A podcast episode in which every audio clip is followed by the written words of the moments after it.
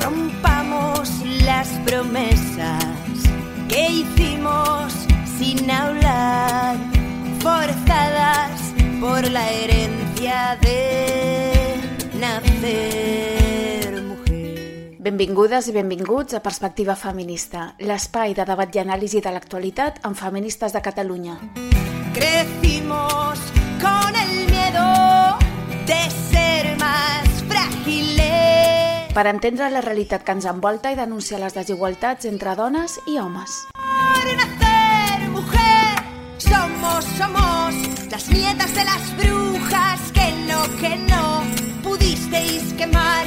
Somos la Hola a tothom, benvingudes i benvinguts a aquest desè i últim episodi d'aquesta primera temporada de Perspectiva Feminista. Soc Pat de Lídia i avui no volem parlar-vos d'un tema específic, sinó que volem fer balanç d'aquesta primera temporada i reflexionar juntes sobre l'actual situació de les dones al nostre país, com a exercici imprescindible abans de les eleccions generals del proper 23 de juliol. I per aquest motiu, a la secció Fem Joc d'avui parlarem amb Sílvia Carrasco, antropòloga, escriptora i presidenta de Feministes de Catalunya. De moment, com sempre, estem aquí les tres integrants de l'equip del podcast de Feministes de Catalunya, l'Èrica, la Lana i una servidora. Hola, companyes, com esteu? Hola. Molt bé.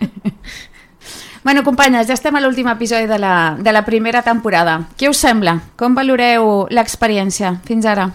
Doncs molt sorpresa per l'acollida que ha tingut i molt contenta. Sí? Sí. Jo ja tinc moltes ganes de gravar la segona temporada i desitjant que per xarxa social ens demaneu quins temes voleu que toquem en els propers episodis. Sí.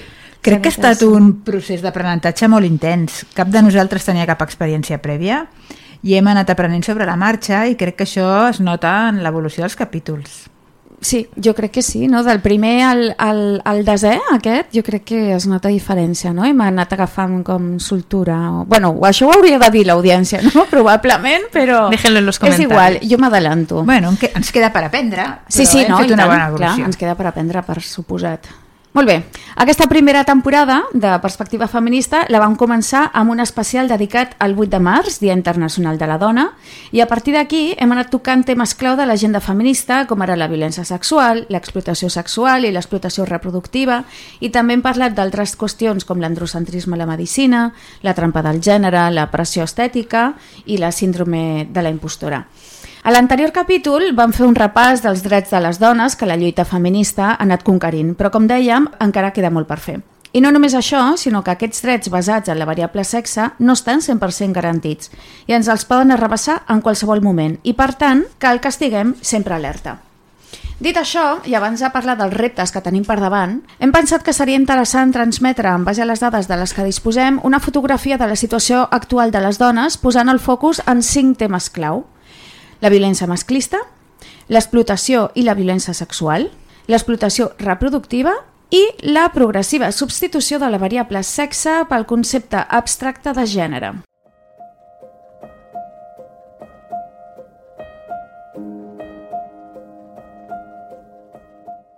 Comencem amb dades de violència masclista.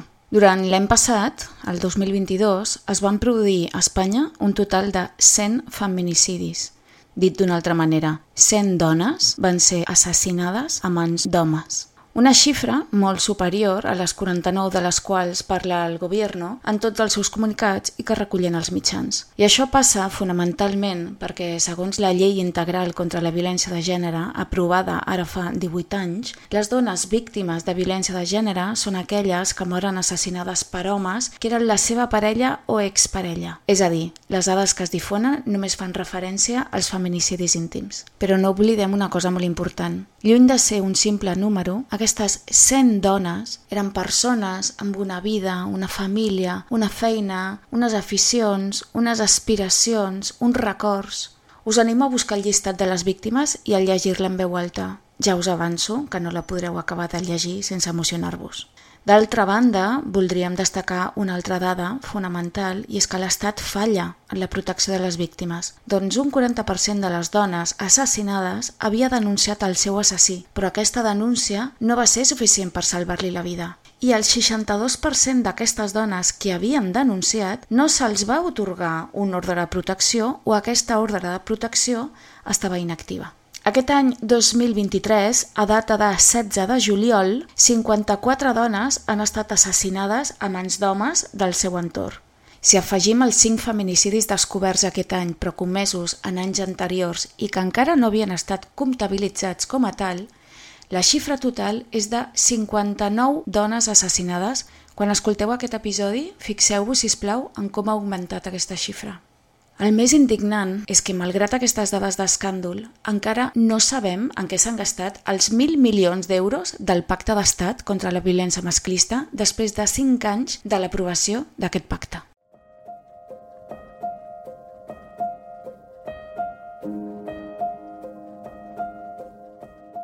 El tema de l'explotació sexual tracta d'un tipus de violència basat en la mercantilització de les dones i llença el missatge de que el desig d'una dona es pot comprar amb diners. La majoria de les dones en situació de prostitució són estrangeres, provenents sobretot de països en vies de desenvolupament. Moltes d'elles són víctimes de violència, tracte de persones i explotació per part dels proxenetes que les controlen. Espanya és el país que més diners gasta en prostitució de tota la zona euro. És el tercer país del món en consum de prostitució. El 39% dels homes espanyols admet haver explotat sexualment a una dona. És a dir, 4 de cada 10 homes a Espanya admet pagar una certa quantitat de diners per toquetejar, bavejar el cos d'una dona que no el desitja i penetrar-la per la boca, vagina o anus. Ens trobem davant d'una situació política desoladora. D'una banda tenim aquestes dades terrorífiques i de l'altra tenim a senyors que diuen ser d'esquerres i s'atreveixen a dir en un programa de la ràdio que s'ha de garantir els drets de les treballadores sexuals, com si l'explotació sexual fos una feina. L'esclavitud sexual de les dones no és debat, no es consulta. Pagar per violar no és un dret. Us convido a reflexionar sobre la frase de François Héritier, antropòloga francesa. Dir que les dones tenen dret a vendre's és ocultar que els homes tenen dret a comprar-les.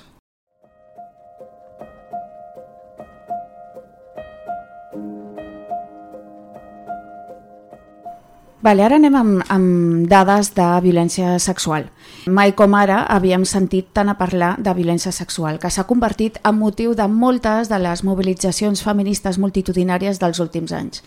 Segons dades del Ministeri de l'Interior, l'any 2022 es va produir un augment del 38% de les violacions respecte al 2019, any previ a la pandèmia de la Covid-19. I segons el grup d'estudis avançats de violència de la Universitat de Barcelona, entre 2012 i 2021, l'increment dels delictes sexuals registrats ha estat d'un 89%.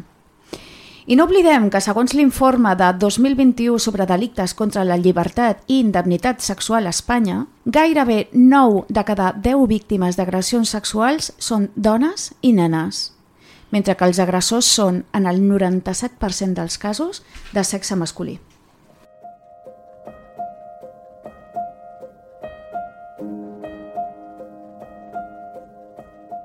També hem parlat de l'explotació reproductiva. Els contractes de la mal anomenada gestació subrogada no són legals a Espanya i per aquest motiu la gent marxa fora per explotar dones pobres i comprar els seus nadons. La llei que s'estan saltant en aquest cas és l'article 10 de la llei 14-2006 sobre tècniques de reproducció humana assistida que diu el següent. Será nulo de pleno derecho el contrato por el que se convenga la gestación con o sin precio a cargo de una mujer que renuncia a la filiación materna a favor del contratante o de un tercero.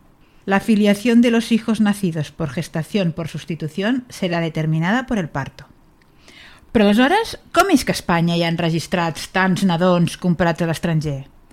Doncs perquè la instrucció de 5 d'octubre de 2010 de la Direcció General dels Registres i del Notariat permet la inscripció al registre civil de nadons nascuts per aquest mitjà, apel·lant al suposat bé superior del menor, quan sabem que el que realment significaria vetllar pel benestar del menor seria no separar un recent nascut de la seva mare.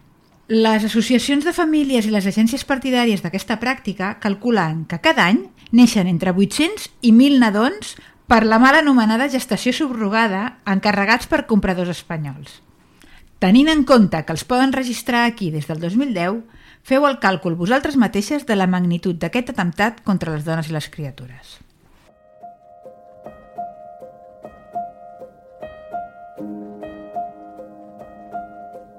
També ens preocupa la progressiva substitució de la variable sexe pel concepte abstracte de gènere. Des del 2014, a Espanya s'han anat aprovant nombroses lleis trans o que contenen ideologia transgenerista, fins a arribar a un total de 46. 40 lleis i protocols educatius i sanitaris trans s'han aprovat al Parlaments autonòmics sense debat públic ni informació a la ciutadania. Cinc lleis més que incorporen el concepte d'identitat de gènere i la resta d'idees transgeneristes. Aquestes són la llei catalana contra la violència masclista, lleis estatals d'educació, protecció als menors davant de la violència, la llei del CSC i de l'esport. I com a culminació de tot aquest procés, a nivell estatal, el passat 28 de març del 2023 es va aprovar la Llei per a la Igualdad Real i Efectiva de les Persones Trans i per a la Garantia de los Derechos de les Persones LGTBI. Totes aquestes lleis trans suposen un retrocés i una vulneració dels drets de les dones i les nenes per diferents motius. Si el sexe deixa de ser una dada objectiva, les estadístiques per conèixer la desigualtat estructural entre els sexes deixen de ser fiables. Això són la violència masclista, la bretxa salarial i l'exclusió social, política i cultural. Si les dades no estan desagregades per sexe, tampoc podem identificar les desigualtats reals i potencials ni aplicar mesures per corregir-les. Si qualsevol home pot declarar-se dona, sense més requisit que la seva voluntat, les polítiques d'igualtat per eliminar la discriminació de les dones en la vida pública i política deixen de tenir sentit. També desapareixen els espais segurs exclusius per les dones, com lavabos, vestuaris, refugis o presons, vulnerant el dret de la intimitat, la dignitat i la integritat física, posant-nos en risc de patir agressions sexuals. L'esport femení i les proves físiques a oposicions deixen de ser justes. Qualsevol home pot competir contra dones, aprofitant el seu avantatge biològic, i la seva participació posa en desavantatge i en risc de sofrir lesions físiques a les dones. Si els criminals es declaren dones, l'autoria masculina de la violència contra les dones i les nenes queda oculta i no es pot aplicar l'agreujant de violència masclista, sinó que es considera violència entre dones.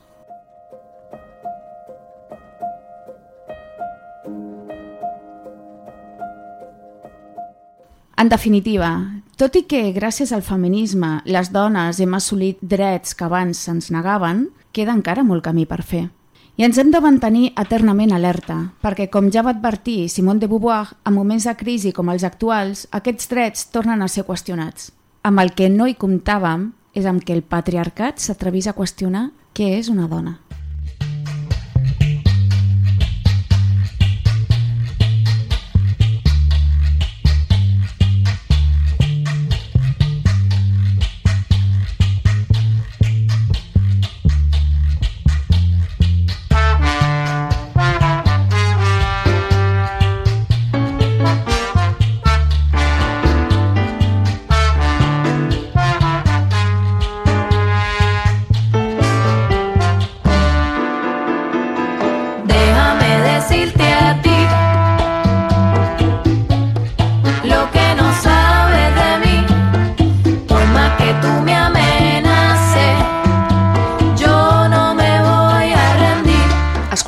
Déjame decirte a ti, de la cantant i compositora de Puerto Rico coneguda com Ile i que es va iniciar la indústria musical a la seva adolescència sent la veu femenina de Calle 13.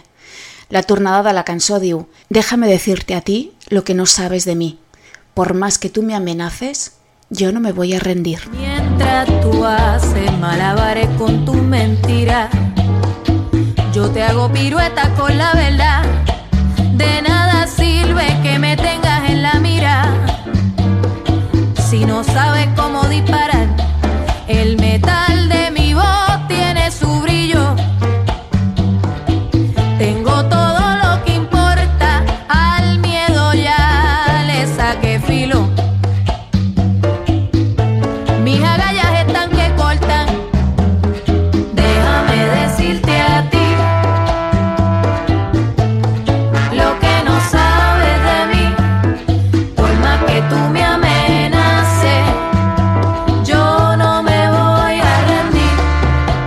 I seguim amb més coses. Arriba la Femtoc.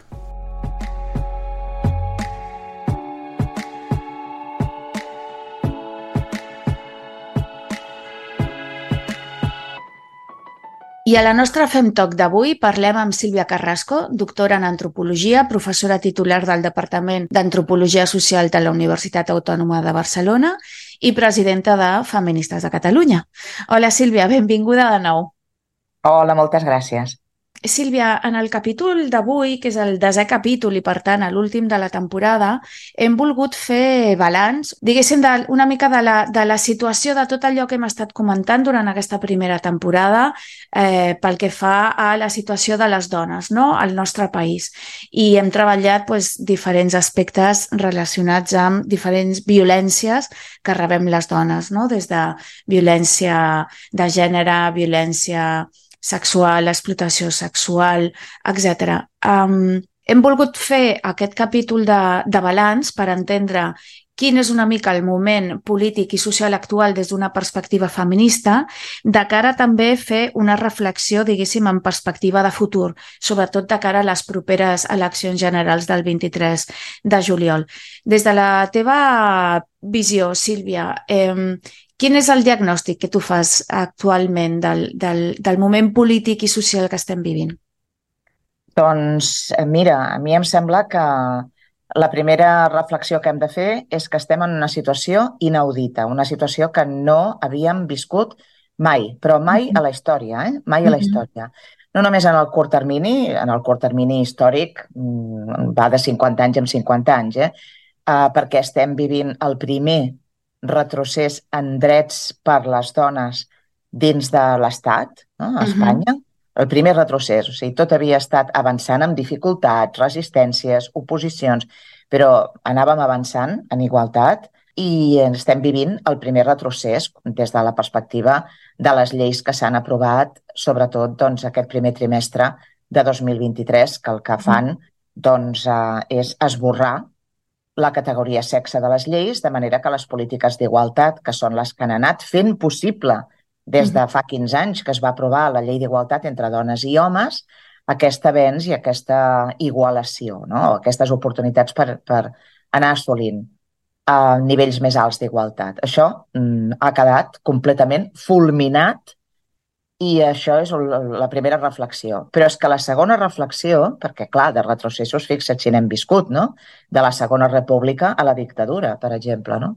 Sí. I això podríem, doncs, dir que, que seria comparable perquè ara no s'està encara eh, podent valorar l'abast la, de l'impacte negatiu que, que té aquesta legislació, les legislacions de la identitat de gènere, no? Uh -huh. Però és que la segona reflexió jo diria que és encara més greu i és el que penso que ha deixat a les dones en una situació de decepció absoluta i que encara estem païnt què fer i justament els debats que hi ha sobre el vot a les properes eleccions tenen a veure amb aquesta situació, aquesta segona situació, que aquesta sí que és del tot inesperada, que és que és els suposats partits d'esquerres que mm. havien mm. estat promovent l'agenda de la igualtat són el que ens han portat aquestes lleis que esborren completament l'existència de les dones, és a dir, neguen la realitat, imposen una realitat inventada que és completament perjudicial per l'agenda de la igualtat que aquests mateixos partits o l'origen l'origen d'aquests partits, no? tradicionalment, aquests, sí. aquests sectors polítics, havien estat promovent. Per tant, són dues reflexions molt importants. De la primera tenim exemples històrics, com diem, no? de, la, de la Segona República a la dictadura franquista, però, sí. de la, però de la segona reflexió no en tenim cap experiència i encara estem ben desorientades eh, i, i el debat justament ho reflecteix.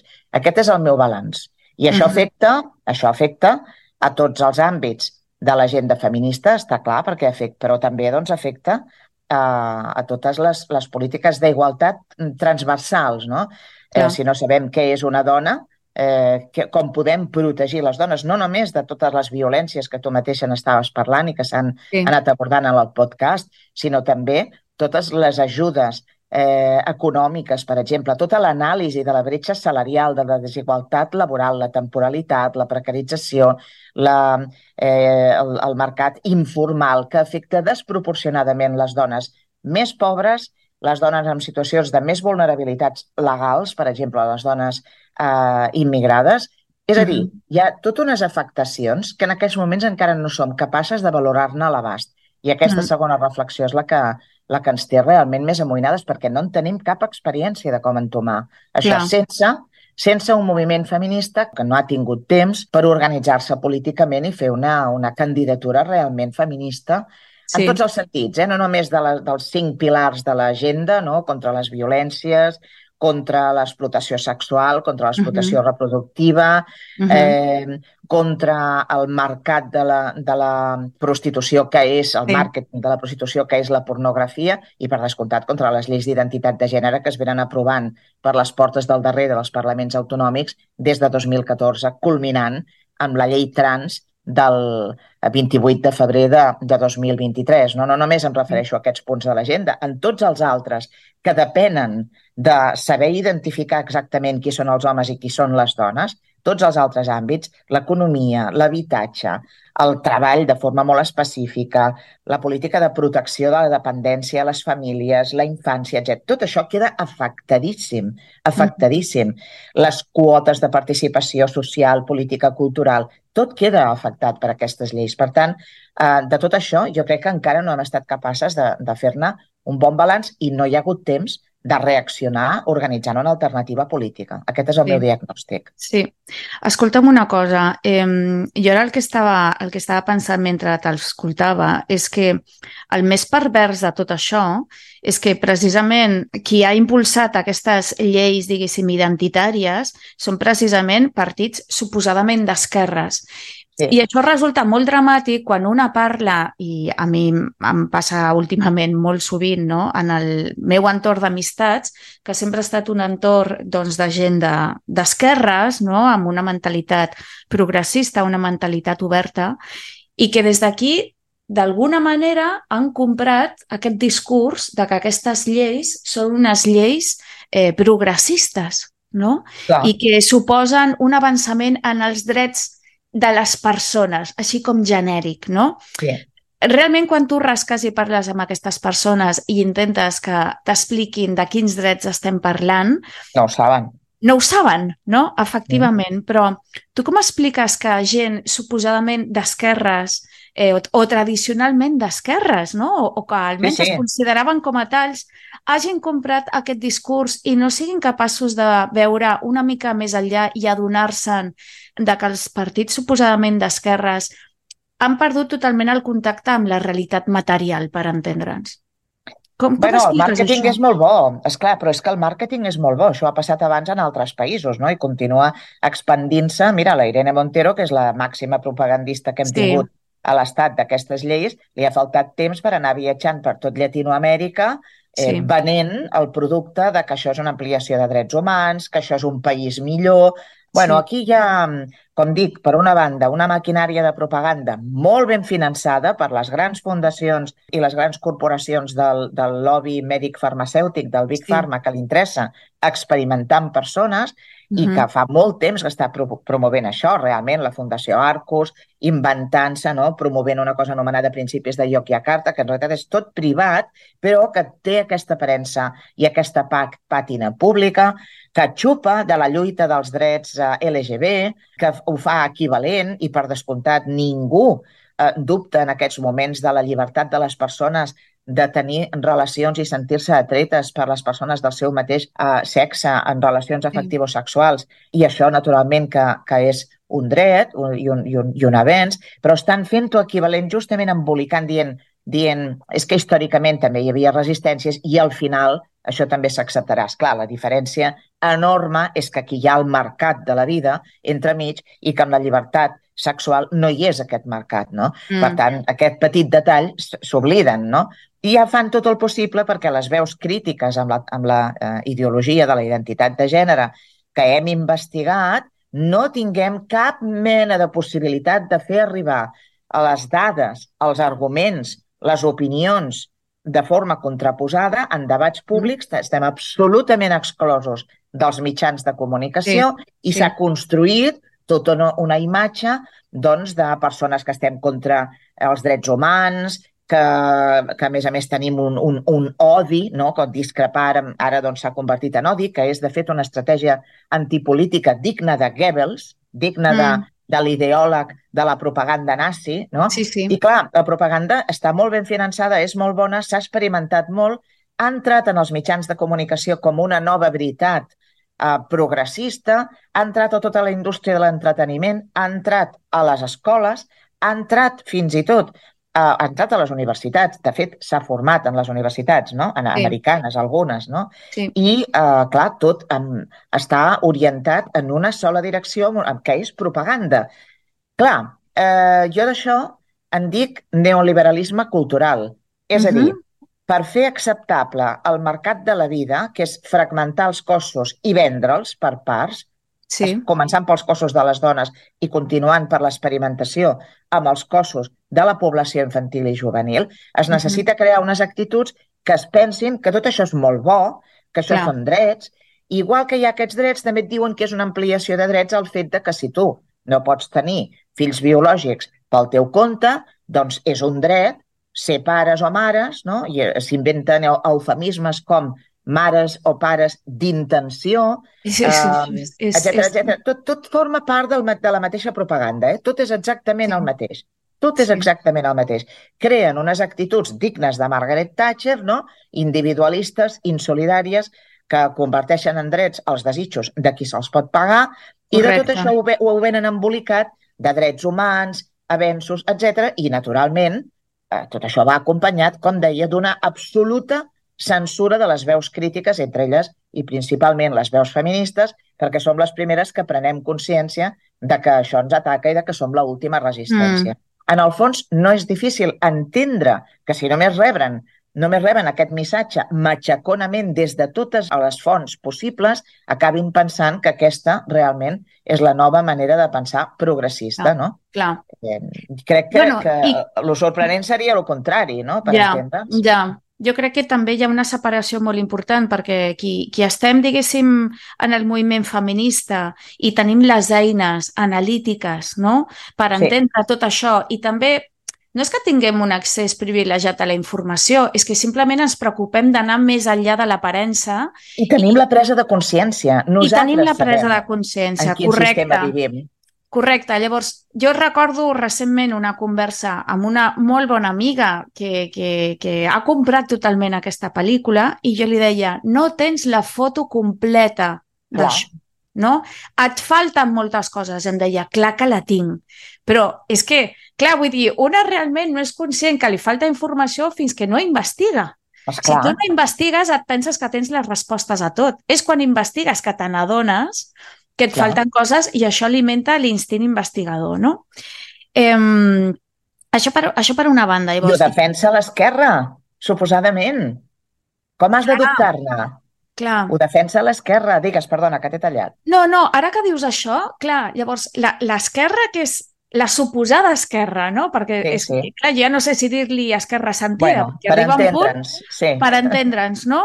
Eh, clar, al final, aquesta es esquerra, que és com per la gent, les persones que som d'esquerres i que som progressistes, és com si de repent la figura, jo què sé, què et diré, com la, la figura materna o paterna amb la que tu confies, de repent es converteix en un monstre i t'ataca, no? Que jo el crec que és el, enemic, sí. que és el pitjor malson d'una criatura, no? El típic Exacte. malson que pots tenir és que la teva mare sigui un monstre, no? I se't mengi, Exacte. jo què sé, coses d'aquestes, no? Eh, clar, al final, aquesta esquerra que fa això, eh, per què ho fa? És per un tema de que també ha comprat aquest discurs i li, i li manca capacitat d'anàlisi? O, o és que tenim, eh, què et diré, a los lagartos de UV infiltrats als partits d'esquerra? Saps què vull dir? Sí, sí, perfectament. Mira, jo tinc, jo tinc aquí dues hipòtesis i ho vaig escriure exactament fa un any. Vaig publicar un article que es titulava Patriarcat i el neoliberalisme cultural, una tempesta perfecta, no? On, Sí. on explicava jo que he militat tota la vida en partits d'esquerra, no? Um, però per mi hi ha, una, hi ha una diferència molt clara, no? O sigui, la dreta és el benefici privat, Uh -huh. eh, la destrucció dels serveis públics i l'esquerra, a grans trets, és la defensa dels serveis públics i de la protecció social per garantir Sí. unes mínimes condicions de d'equitat per la població i el bé Sí. comú per sobre del benefici individual. Si posem això tan senzill que ho pot entendre tothom, no? sí. doncs per mi encara hi ha, naturalment, una definició molt clara de dreta i esquerra. Què passa? Sí. Aquests partits, que eren els nostres partits, estàvem acostumades a un discurs, tu recordaràs, partits i sindicats, eh? sí. que era eh, la, qüestió, la qüestió sempre candent, sempre pendent de i la lluita per la igualtat, i Mm. l'equiparació, perquè no només és la igualtat, és la emancipació, i això no és possible. Uh -huh. La igualtat, sempre ho dic jo, és el camí, no és el final. La Sí. igualtat és el camí per l'emancipació, no? que és un, tot una altra cosa. No? Vale. I sempre et deien, ara no toca, o bé, bueno, toca una mica, o Mm. sí, hem, hem fet hem pres aquesta o aquesta altra mesura, va, hem fet una llei d'igualtat, bueno, clar, però ara cal desplegar-la, no? I per tal cal una memòria econòmica amb totes unes lleis que realment això aprofundeixi amb, el, amb, amb tots els sectors en els que aquesta igualtat ha de ser real i efectiva. El mercat laboral, l'educació, eh, la salut, la participació política, la participació i el reconeixement cultural, bla, bla, bla, bla, bla. bueno, oh, ja anem fent avenços, anem fent avenços. I de tant en tant, doncs, bueno, això no és ben bé prioritari, no, això ben bé no toca, no? bueno, estàvem acostumades a aquest discurs, a aquesta lluita dins de l'esquerra, de partits, de sindicats o de fora, de moviments socials. Estàvem acostumades a aquesta lluita. No estem acostumades a que el discurs es transformi, a que el Mm. discurs canvi. Què hi ha? Una gran operació de ressignificació de conceptes, de ressignificació cultural, de manera que tot el que són explotacions i violències Uh -huh. li canvien el nom i es converteixen en desitjables. Ja no és explotació sexual, és treball sexual apoderador, lliure, les dones fan amb el cos el que volen. Fixa't, utilitzant l'eslògan que fèiem servir nosaltres per reclamar drets sexuals i reproductius. Sí. Ara es fa servir per convertir el cossos, els cossos de les dones en, una, en un objecte i en una eina de mercat perfectament legítima que sobre representa que està basada en la lliure elecció, que és una fal·làcia neoliberal. No? Sí. Um, el que era explotació reproductiva, que és robar els fills de les pobres o comprar-los, que s'ha fet qual. sempre. Que s'ha fet qual, sempre. sí. Doncs ara té tota una, pàtic, una pàtina moderna que, per una banda, apela a la tecnologia, no? les tecnologies reproductives, no? les tecnologies de reproducció assistida, no? i entra per allà i quan diuen, ep, ep, un moment, hi ha qüestions de, vi- de, de ètiques, no? hi ha una bioètica que diu que llavors t'ho venen d'una altra manera, dient, no, no, és que és altruisme. Altre cop amb el mite neoliberal de la lliure elecció, perquè Mm. fixa't que, per exemple, en el cas dels òvuls, hi ha una para... la pròpia paraula no? és, una... és mentida, que es diu ovo-donació. I diuen, bueno, hi ha una compensació per les possibles molèsties i les possibles conseqüències mèdiques que sabem que són nefastes de Sí. les noies joves que donen, donen els òvuls. No, és una compra-venta, clarament. De fet, cotitzen en, bol, en borsa aquests òvuls, eh? O sigui que, Sí, sí. Però es camufla. Llavors, tota aquesta operació de camuflatge cultural ve d'unes filosofies eh, antimaterialistes eh, que neixen, neixen i són alimentades també, eh? no només als Estats Units, a Europa també, però neixen sobretot als Estats Units. No? Hi ha tot un disseny d'unes filosofies antimaterialistes que, eh, que, es, que es fan més fortes i coincideixen amb el mercat neoliberal que necessita que la gent pensi que això és guai per Mm. colar-li el mercat de la vida, per convertir-ho tot, cada racó de la vida, en mercaderia. I llavors això doncs, eh, es, es promou des de eh, la importància del subjecte, eh, la, el dret a les identitats, etc. Es promou de tal manera que l'esquerra, que queda orfa dels grans relats d'una alternativa al capitalisme, ho compra. I no només ho compra, sinó que en fa bandera. Clar, llavors l'esquerra té una contradicció totalment interna, que és que sap entendre el neoliberalisme econòmic Sí. i no sap entendre el neoliberalisme cultural. I després hi ha els cínics que s'aprofiten d'això, que n'hi ha molts en campanya electoral en aquests moments. Sí. Sí, Sí, sí, sí, sí no, no, per això, per això eh? ric, per això ric. hi ha els ignorants i hi ha els cínics, les Sí, dues sí. coses. Val? I després hi ha els Totalment. disciplinats que faran el que digui el partit fins l'autoextinció. Així és. Sí, sí. Perdó que Bueno, sigui ara- tan dura, però és No, que no, realment no, però és que realment el, el panorama, vull dir, jo no conec eh, ara mateix cap, eh, crec que no conec cap feminista que, que estigui dormint tranquil·la ara mateix No. pensant en les properes eleccions perquè realment és com entre susto i muerte, no?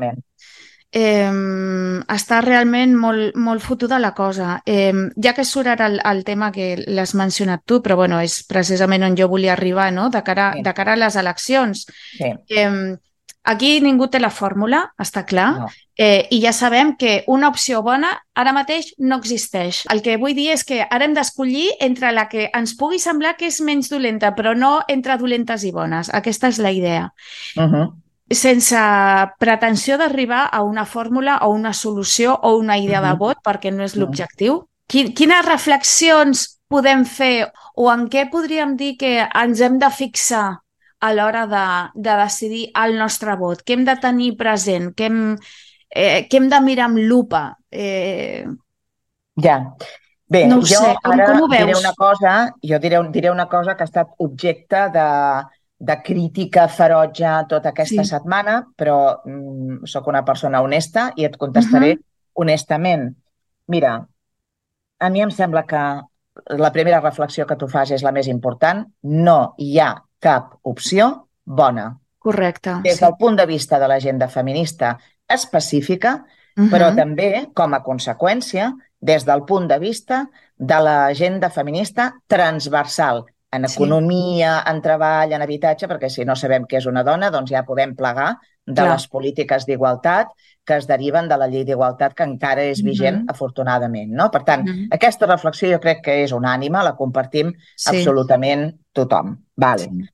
La segona reflexió, atenent al fet que no hi ha cap opció bona Mhm. Sí. eh, i que la lluita feminista és una lluita de llarga durada, mm? Mhm. que hem viscut eh, retrocessos i que hem viscut avenços i que ens trobem encara en ple anàlisi, com estava, com estava dient abans, no? d'aquesta novetat, la novetat de, del retrocés de les forces polítiques que realment, amb les que confiàvem, perquè per, anàvem empenyent perquè anessin assumint les agendes d'igualtat, doncs justament amb aquestes no hi podem confiar i aquesta és Sí. la novetat i encara hi hem de reflexionar molt. Sí. Justament per aquestes dues circumstàncies penso que eh, no podem en aquests moments donar una, cap orientació de fórmula màgica, perquè és entre mm, mal i pitjor. Aleshores, jo insisteixo en que eh, la plenària del, de la confluència Movimiento Feminista en la que està inscrita Feministes de Catalunya i altres hi ha moltes altres organitzacions de tot l'Estat, se'ns Correcte. va plantejar una disjuntiva. Nosaltres vam sumar-nos a la campanya del vot nul feminista per les municipals i autonòmiques Mhm. que tenien lloc a la major part de l'Estat del 28 de maig Sí. eh, i jo crec que, que va ser doncs, un, un vot de càstig que es va fer notar. Probablement Sí. la incidència en la davallada de vot de l'esquerra, sobretot a, a Podemos, clarament a Sí. Podemos, va ser doncs, la mostra de la traïció i aquí segurament va tenir incidència aquest vot nul feminista, Sí, segur, estic segura que sí. sí. segur, però tampoc és l'explicació eh, primera d'aquesta davallada de vots. Hi ha molts altres aspectes de decepció amb la formació. No? Amb Sí, diguéssim que la les- formació, que les- és sumar, que és Clar, el és mateix, que les, eh? que clar, sumar. és que Vale. les feministes no som les úniques que ens sentim traïdes no, per per això. l'esquerra. que seria No? molt, molt il·lusori i seria molt poc realista dir que és que gràcies al vot nul feminista, feminista es va produir un vot de càstig. Ara, que, la, que el feminisme va contribuir Sí, a això sí. evidenciar aquest vot de càstig, això és claríssim també. Sí, Val. sí, sí. Això estava molt clar. Acte seguit, de fet, l'endemà se'ns convoquen unes noves eleccions i estem veient un Mm. escenari diferent. Un escenari diferent en quin sentit? És a dir, podríem dir, no, no, és el mateix escenari. Mira, l'escenari diferent fa que una part del moviment feminista inqüestionablement feminista, i amb això jo vull ser molt clara, encara que no Mhm. sigui, o sí, no, no, no em mullaré en això, la meva opció. És igual. Una part important del moviment feminista diu, ostres, aquí ens podem trobar en un escenari electoral Mhm. en el que hi hagi una majoria absoluta, no només de la dreta, sinó de la dreta amb la ultradreta Sí. governant l'Estat. Cada vegada que això ha passat ha estat terrible. O sigui, la Mm. marxa enrere ha estat horrorosa, el Mm. retrocés ha estat horrorós, però és que tampoc tenim, fixa't, que tampoc tenim experiència d'un govern de dreta amb la ultradreta. I una part Mm. del moviment feminista frena i diu no ens veiem en cor de seguir demanant el vot nul feminista. Sí, Per mi aquesta opció és absolutament mereixedora de respecte. és que és I totalment comprensible. socials unes crítiques eh, que estan deslegitimant eh, mm, moviments, organitzacions, Mm. persones que són inqüestionablement feministes. A mi això em sembla que no es pot fer. Sí. I després hi ha tot un altre sector del moviment feminista, persones, organitzacions que diuen no, ens mantenim amb feminisme no vota traïdors i, per tant, la única opció possible és el vot nul feminista. Uh -huh. Totalment respectable Sí. i només faltaria que s'acusés les persones i les organitzacions que opten per demanar el vot nul feminista d'una possible victòria de la dreta més l'extrema dreta. Ni parlar-ne. Si perd l'esquerra, serà per mèrits de la pròpia esquerra, entre cometes, sentida, que se'n Sí. vagi al racó de pensar i reflexioni. Ara bé, les dues opcions, justament per aquestes reflexions de novetat en la que ens trobem, són respectables. I a mi em sembla que hem d'entendre les dues opcions. Eh? Les dues opcions. Llavors, Feministes de Catalunya, en aquest sentit, que ha Mhm. deixat molt clar el seu missatge, que és sense les dones no es guanyen eleccions, contra les dones no es pot governar, és Sí. respectar perfectament eh, i no repartir carnets de feminista a les eh, dones i organitzacions que fan una reflexió o l'altra. Són Mm. perfectament respectables les dues i no sabem l'escenari amb el que ens trobarem, però sabem que hem de continuar unides lluitant per l'agenda feminista el dia 24 de juliol. Aquest és el missatge. Eh, Sí. Crec que era molt important que féssim aquesta, aquesta reflexió eh, perquè efectivament de cara a aquestes eleccions hi ha una confluència de molts elements que plantegen un escenari nou i davant la incertesa mm, crec que la, la unitat és la resposta, no, no, la, no la separació ni És la... haurem, haurem de pensar en el 24. Hem de pensar És, en el 24. exacte, és que surti el que surti, el panorama no serà Serà positiu. dolent, que serà dolent. Correcte, és que, és que aquest és el tema, aquest és el tema, Mm. que surti el que surti el panorama no és gens positiu. Llavors, hem de mantenir la unitat per seguir lluitant per l'agenda feminista. I reflexionant aquest, aquest moment inaudit, com deia, no pel retrocés que ja n'hem viscut, sinó perquè ve de l'esquerra. Per tant, nosaltres hem de ser capdals en la reconstrucció dels moviments progressistes polítics. Si això passa per autoorganitzar-nos políticament les Mhm. feministes en partits, doncs ho farem. La història ens posa davant d'una disjuntiva no vista abans. Sí, sí, sí. Molt bé, Sílvia, doncs amb aquesta idea final ens quedem. Moltíssimes gràcies pel teu anàlisi i A pel, i pel teu missatge final d'unitat que em semblava especialment necessari en aquestes dates. Moltes gràcies. Una abraçada. Una abraçada a totes.